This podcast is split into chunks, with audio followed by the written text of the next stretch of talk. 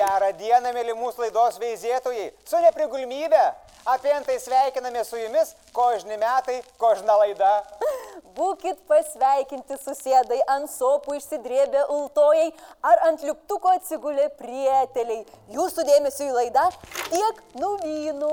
Tuom kartu ištaikęs progą noriu padėkavoti, kad nuo praėjusios laidos atsiuntėte man daug gromatų telegrafu ir pašto karveliais. Nuo tokio kiekio man net pončiakos nuo kojų nušoko. Maž nespėjo pavėzėti viską. Eik tu šposininkę. Aš mislijau, gal jau metas pradėti laidą. Bus griekas, jei nespėsim papasakoti apie vasario 16-ąją.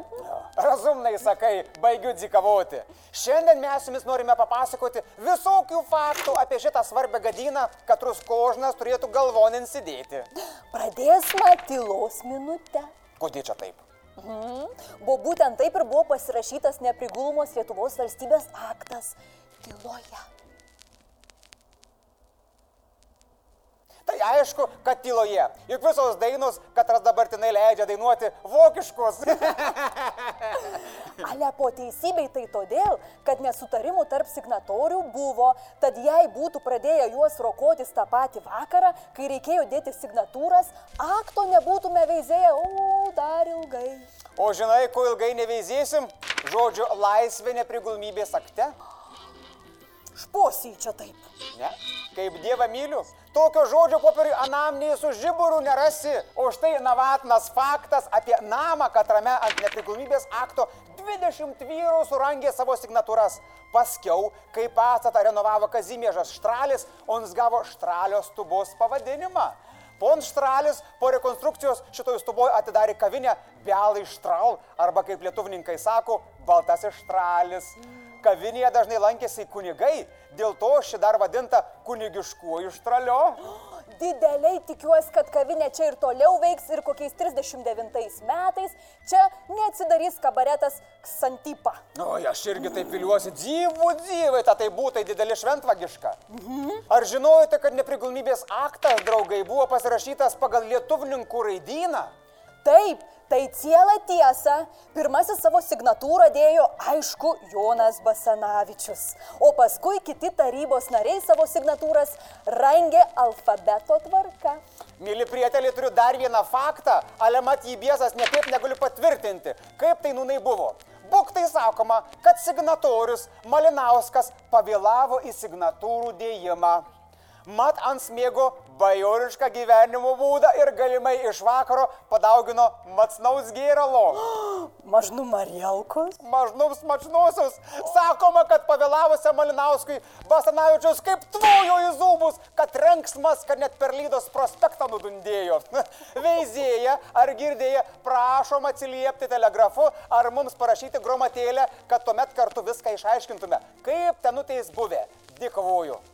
Jei čia tiesa, tai dideliausiai jau tas Malinauskas Zabafnas. Mm, lygioj vietoj susivaidijo. Mm. Dėmesio, turime netikėtą nuvyną. Palaukit. Oi, gal palauk, padėsiu. Turime. Palauk, lentukė turiu. Lentukė turiu čia. Padėk, padėk, padėk, prašau. Turime netikėtą nuvyną iš ateities. O čia taip gali būti? Nu, man taip sakė. Žiūrim. Oh. Sveiki, sveiki tautiečiai iš praeities. Labas. Tai aš kalbėsiu trumpai. Tai, ką šiandien įvykdė Basanavičius ir bendražygiai, yra labai labai svarbu mūsų Lietuvai.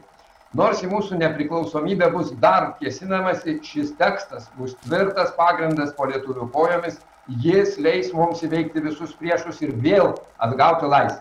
Pala. Kaip tai vėl? Svarbiausia, jeigu galite, išsaugokit tą mūsų tautai svarbu popierių, nes jis gali dingti. Neįsivaizduojat, kaip sunku jį gali būti surasti. Kam reikės iš mūsų vokti popieriaus lapą? Nieksgi nepakavos.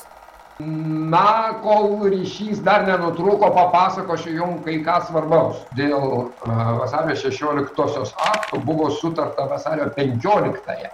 Tai įvyko uh, Lietuvių mokslo draugijos patalpose, kaip sakydavo tada pas Basanavičių, aušros vartų gatvėje. E, tačiau tas būtas buvo labai šaltas. E, buvo sakmė, jog esą Basanavičius labai taupo malkas. E, yra gerai žinoma, kad vasario 16 dieną jie perėjo į vadinamąją Štraro namą, ten buvo šilčiau, nors ir labiau susispaudę, bet laiko mašinoje jau mirga lemputė. Deja, turiu atsisveikinti. Nepamirškit, ką sakiau dėl to akto. Saugokit jį. Jis turi milijoninę vertę. Jūs jau patikėkit manim. Aš tai tikrai žinau. Iki. Kolega, mūsų matai, kokia pavardė mūsų gostiaus buvo? Oho, jei veizolai neapgauna mažylis, Tai va, įslyjų. Atik nebus čia žymaus liekariaus, kad Rasnonai grįžo į tėviškę iš Kraukuvos, apsistojo Vilniuje, ale gydytojauti, išvykęs į Panevežį giminaitis. viską gali būti lekarius razumnas, tai gal ir giminė razumna, kad sugebėjo laiko mašiną pakurt. Na va, pakeliavom į pusvietą, į pučiesą. O kalbant apie čiesą, jo mums nebedaug jau liko. Reikia papiški zavijotis. Ale gal dar po vieną faktą? Neslyju, kad vieną dar galim. A, gerai, tuom kartu pasidalinsiu. Įdomus faktas tokis. Tiksliai nėra žinoma, kiek buvo vasario 16 akto nutarimų.